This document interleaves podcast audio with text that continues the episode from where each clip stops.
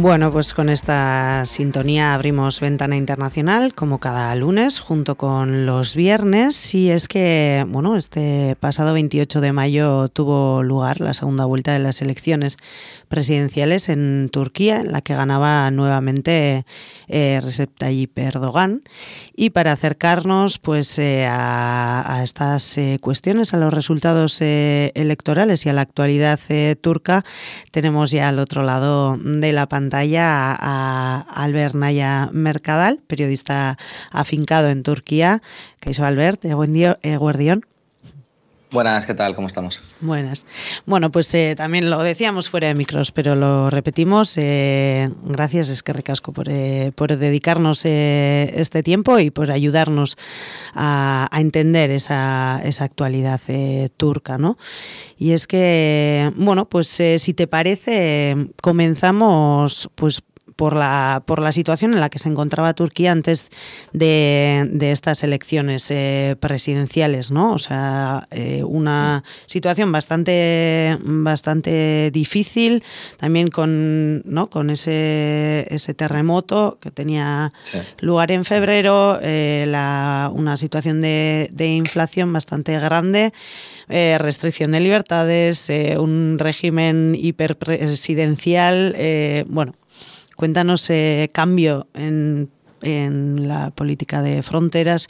Cuéntanos un, poco, bueno, pues en qué situación se encontraba Turquía antes de, llegar eh, estas elecciones eh, presidenciales. Bueno, em, situación de polarización total. Evidentemente, la crisis económica era un tema. Era, era, era un tema muy importante y fue un tema muy importante durante toda la campaña.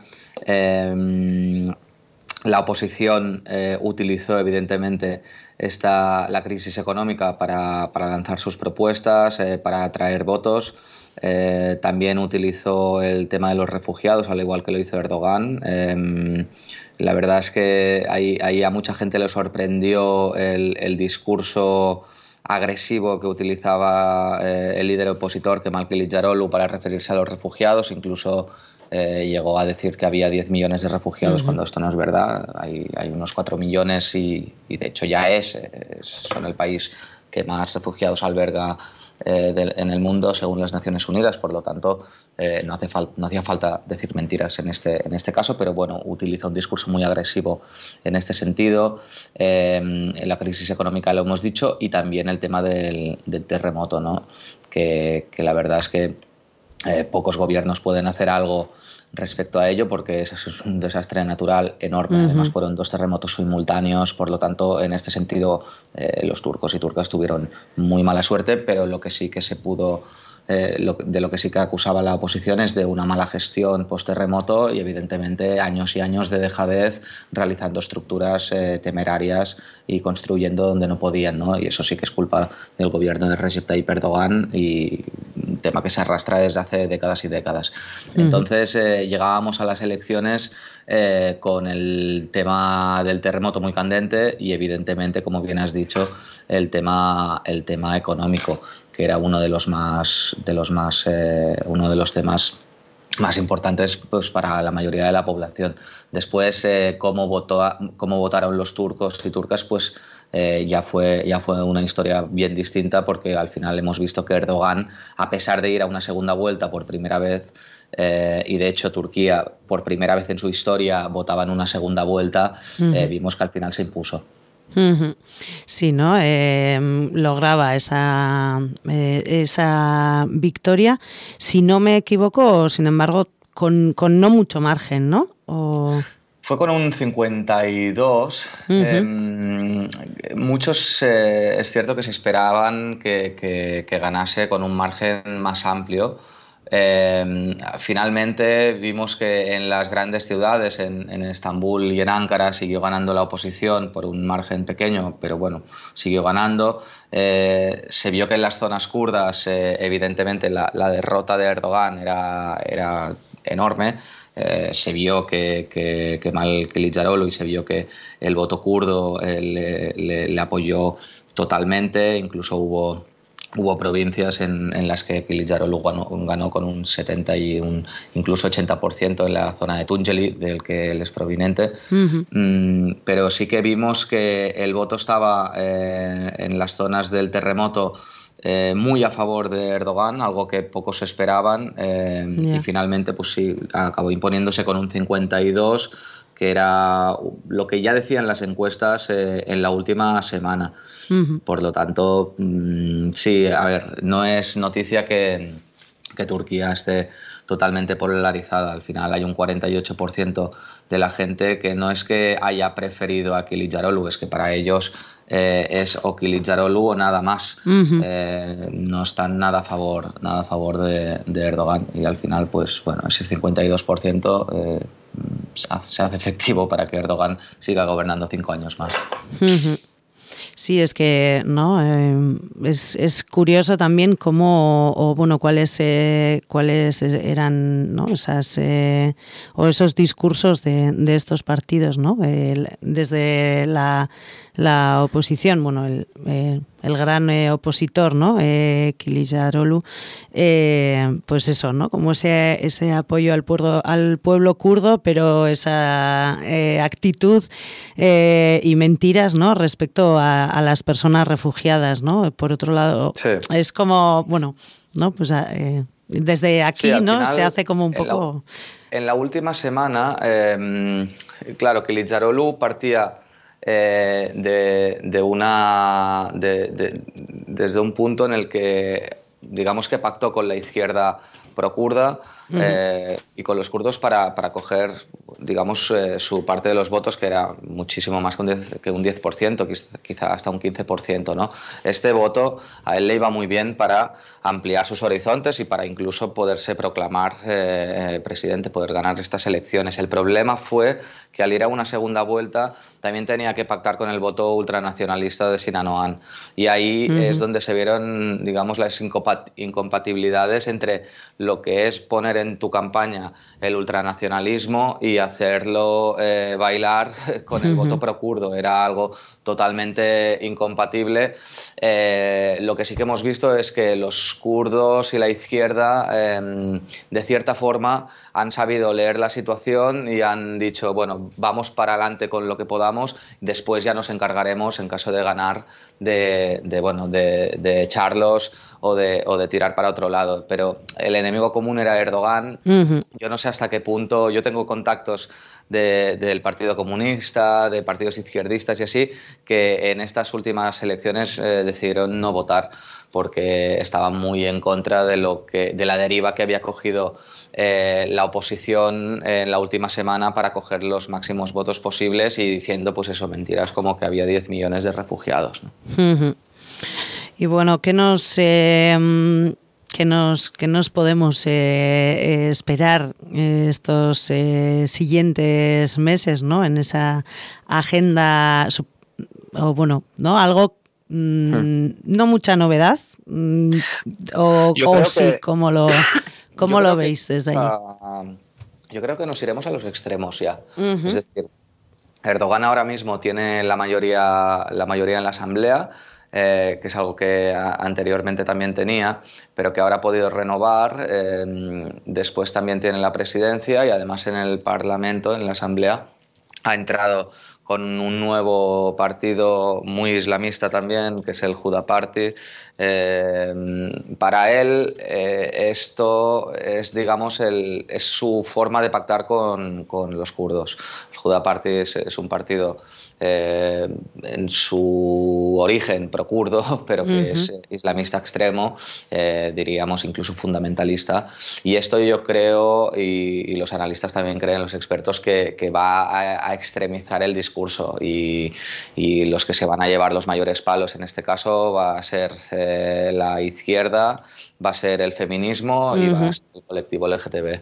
Vamos a ver qué ocurre en los siguientes meses, pero mm, pero todo el mundo dice que, es muy posible que, incluso sea un mandato más extremo que el que nos tenía acostumbrados. Pero vamos a verlo. De acuerdo, así que ¿no? a pesar de, llevar tantos años ¿no? y, tener de ¿no? Pues, eh, o sea, ya ser conocido, quizás en esa forma de hacer se va a, endurecer esta agenda conservadora, pues antifeminista, anti-LGTBIQ, anticurda. Respecto, respecto a, bueno, una pregunta que creo que en, que en anteriores colaboraciones también eh, te hacíamos y que nos gusta hacer en general, y es, eh, bueno, pues por parte de movimientos eh, sociales, ¿no? ¿Cómo, ¿Cómo se ha vivido todo esto o cuáles son los, los puntos que, que, tienen en sus agendas, ¿no? Porque quizás tampoco tienen que ir con esas campañas electorales. Es decir, cómo, cómo, Erdogan ha ido en contra de los, de los grupos sociales y sociedad civil, quieres decir. Sí, por un lado eso y qué respuestas eh, tenemos por parte de estos eh, grupos sociales o colectivos. Bueno, la, respuesta de los grupos sociales al fin y al cabo siempre va a ser la misma, que es ir a la calle. Eh, en este caso, estas últimas semanas no he visto un gran movimiento de grupos sociales porque yo creo que aún siguen un poco, un poco perplejos eh, ante, ante esta situación que muchos ya no, no podían llegar a, imaginar y más después del terremoto y de la crisis económica, nadie se imaginaba que Erdogan pudiese ganar la victoria en estas, en estas elecciones. Finalmente, pues la vida sigue igual, ¿no? Y, y, al final lo que seguirán haciendo tanto los movimientos feministas como LGTB o, o grupos pro derechos humanos, pues será lo mismo, ir a la calle, eh, manifestarse, aunque les lluevan eh, palos, y, saben que, esto, como hemos dicho antes, eh, se puede incluso extremar más y, ya te digo vamos a ver. A ver si en los si, esperemos que en las siguientes semanas o años no, no, vayamos a extremos mucho más mucho más grandes pero pero mm, lo que está claro, por ejemplo, es que sí que Malki Lizarolu eh, en su pacto con la izquierda procurda abogaba por soltar a Selahattin Demirtas y liberarlo. Eh, ahora, ahora mismo Erdogan ya dijo en, uno de sus discursos después de ganar que Selahattin Demirtas seguiría en la cárcel muchísimo más tiempo. Em, lo que sí que pudimos ver en esos discursos es que utilizaba un lenguaje muy vengativo hacia, hacia la oposición y esto evidentemente pues lo van a pagar los, la sociedad civil, los grupos sociales eh, en los siguientes años. Bueno, pues iremos eh, viendo también cómo, cómo, se va desarrollando esto y, y otra de, de, las cuestiones que, que bueno, quizás eh, pues comentábamos alguna pincelada, pero es también ese ese cambio en las eh, fronteras ¿no? con, Siria por parte de, Erdogan, que si no me equivoco, mm. pues llevaba a cabo ¿no? un cambio en, la política de, bueno, eso, de aceptación o eh, de personas eh, refugiadas en Turquía. Mm. ¿Cómo, está este, este asunto? ¿Qué es lo que ¿no? Em, bueno, lo que dice públicamente Erdogan, ¿no? Después de esa mm. campaña de, o, bueno, de esa política, ¿no? De eh, interesada, de, brazos abiertos, ¿no? A los refugiados, a las personas refugiadas sirias, ¿cómo está la cosa ahora? Bueno, el, el tema es que Erdogan justifica sus, sus intervenciones en Siria diciendo que, que ahí solo hay terroristas y que después de paso después de limpiar la zona de terroristas, entre comillas, pues va, va a devolver, va a dejar que vuelvan a casa eh, todos los refugiados que, que, así lo quieran y a los que no, pues mm, probablemente no les vaya a renovar la residencia y no tengan más remedio que irse, porque no pueden quedarse en Turquía y tampoco pueden ir a Europa, por lo tanto tendrán que irse que irse a Siria. ¿no? Esta es la justificación. Em, si hace un año, un año y medio, Erdogan amagaba con que volvería a realizar una operación y así, esto se fue retrasando.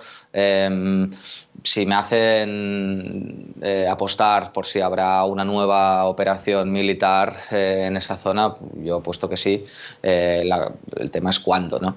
Mm. Pero, pero Erdogan siempre seguirá intentando tirar hacia, hacia adentro. Eh, lo que sí que hemos visto es que cada vez ahora hay más acercamiento entre Recep Tayyip Erdogan y el régimen de Bashar al-Assad. Por lo tanto, vamos a ver si, si este acercamiento eh, al final acaba en una capitulación por parte de uno o de otro, más que nada para, para que haya paz. Pero también es verdad que a Bashar al-Assad de alguna forma eh, a los kurdos también le molestan. Por lo tanto, vamos a ver, eh, vamos a ver qué ocurre en los, en los siguientes meses. Lo que está claro es que Erdogan también iba con el tema de, devolver a los refugiados a Siria eh, como abanderándolo en, la campaña. Es decir, era una, una, una acción que, que, dijo que iba a hacer y esto lo va, lo va a hacer y lo va a justificar de mil y unas maneras para que se haga efectivo porque se lo ha prometido a su, a su gente. Bueno, pues otra de las, de las cuestiones que, iremos eh, siguiendo. Y quizás para terminar también por ese día, día a día, bueno, mencionabas ¿no? los terremotos y, y la, bueno, pues que también son, eh, fueron consecuencia ¿no? de, de una gestión eh, concreta, una forma de, de, construcción, ¿no? bueno, a cuatro meses ¿no? Eh, que de, esta, de estos terremotos. Bueno, pues cómo está, cómo está el día a día, cómo se está gestionando eh, la vida de, estas personas, ¿no? que quizás se, hayan quedado mm. sin, sin vivienda, eh, sin, sin negocios. Mm. Bueno, ¿cómo, cómo está ese, ese día a día que también comentábamos en esa situación de, de inflación? Bueno, siempre, esto siempre al final es lo mismo. Al final en esa zona eh, fueron, quedaron afectadas unas 10 millones de, 16 eh, millones de personas, eh, lo cual es como si una ciudad entera como Estambul estuviese afectada. Eso es una extensión bastante grande y 16 millones no, no son poca gente. mucha gente se fue. Eso sí que hay que decirlo, muchísima gente se tuvo que ir porque allí, en ciudades como Antakya, que era una ciudad eh, maravillosa y preciosa, es una ciudad que ahora mismo ya no existe, eh, allí no hay forma de, vivir. De hecho, Antakya, muchas zonas de Antakya eh, siguen, siguen absolutamente igual, es decir, no, no, no, la han limpiado, no han quitado escombros, vivir allí se hace, se hace imposible, por lo tanto, en esa zona la vida es difícil que vuelva eh, a la normalidad, por lo menos en varios años. Eh, hay otras zonas donde la devastación fue menor y donde muy posiblemente es verdad que los, ciudadanos no puedan acceder a sus casas porque esas casas tendrán que ser demolidas en algún momento, viven en campos de desplazados. Eh, Erdogan, sobre todo durante la campaña, ahora me imagino que la velocidad eh, de construcción de nuevas viviendas. Va a minorar porque ya le han votado, pero, mm, pero la idea era reconstruir esas zonas y esas ciudades en el menor tiempo posible si justamente todo el mundo se quejaba en que aquellas, eh, aquellas ciudades o aquellas viviendas eh, estaban mal construidas, eh, no me imagino que, cómo de bien construidas estarán si las hacen en, seis meses. Por lo tanto, yo espero que no vuelva a haber un terremoto en esa zona porque muchos de los edificios, mm, entre comillas, nuevos que estaban allí construidos, se cayeron todos por completo y la gente murió dentro. Por lo tanto, la vida allí será difícil que vuelva, que vuelva a la normalidad eh, y como decía antes, ha sorprendido bastante el número de votos que ha conseguido Erdogan en esas zonas. Sí, ¿no? Hay, bueno, hay, hay ocasiones en las que, bueno, pues hay también eh, partidos que no, a los que las cosas no les pasan factura, ¿no? Eh, sorprendentemente. Pero bueno, pues eh, te agradecemos también esa información, ¿no? Porque ya es algo que ha salido del foco mediático, ¿no? Y que mm. no, bueno, pues al que no tenemos eh, acceso ¿no? Eh, a, día, a día de hoy. Eh, Albert, no sé si, bueno, si tienes, si quieres comentar alguna cuestión más antes de, terminar, algo que, no alguna otra clave que, sea importante para entender la actualidad en, en, Turquía, o si no lo dejamos aquí. Bueno, no, básicamente eso, que, ahora con la victoria, con la victoria de Erdogan, la, la oposición tendrá que estar otra vez cinco años más eh, trabajando para, conseguir el poder. Eh, Erdogan ya dijo que esta sería su última, su última legislatura, pero bueno, esto ya, palabras más, palabras menos, Erdogan después hará, hará lo, que, lo que quiera. Eh, parte de, la oposición, según me comentan, la gente, mucha gente quiere irse. Eh, Turquía ya sufre una fuga de, cerebros bastante grande desde hace años y ahora con, con la victoria de Recep Tayyip Erdogan probablemente esta fuga incremente. Eh, después también estamos en estos últimos días, la lira se ha vuelto a desplomar, los mercados evidentemente no lo tienen claro, con si estará bien que Erdogan siga cinco años más o no. Por lo tanto, bueno, mm, la vida sigue igual que hace dos meses y seguirá igual eh, o peor. En, los siguientes eh, cinco años. Ojalá haya un cambio, pero, pero es difícil. Bueno, pues eh, intentaremos seguir estas cuestiones, bueno, pues también de, tu mano. es que ricasco, Albert Naya Mercadal, periodista afincado en Turquía, por haber sacado este tiempo y por habernos acercado a la actualidad turca. Mi Esker. A vosotros, es que ricasco. Agur. Agur.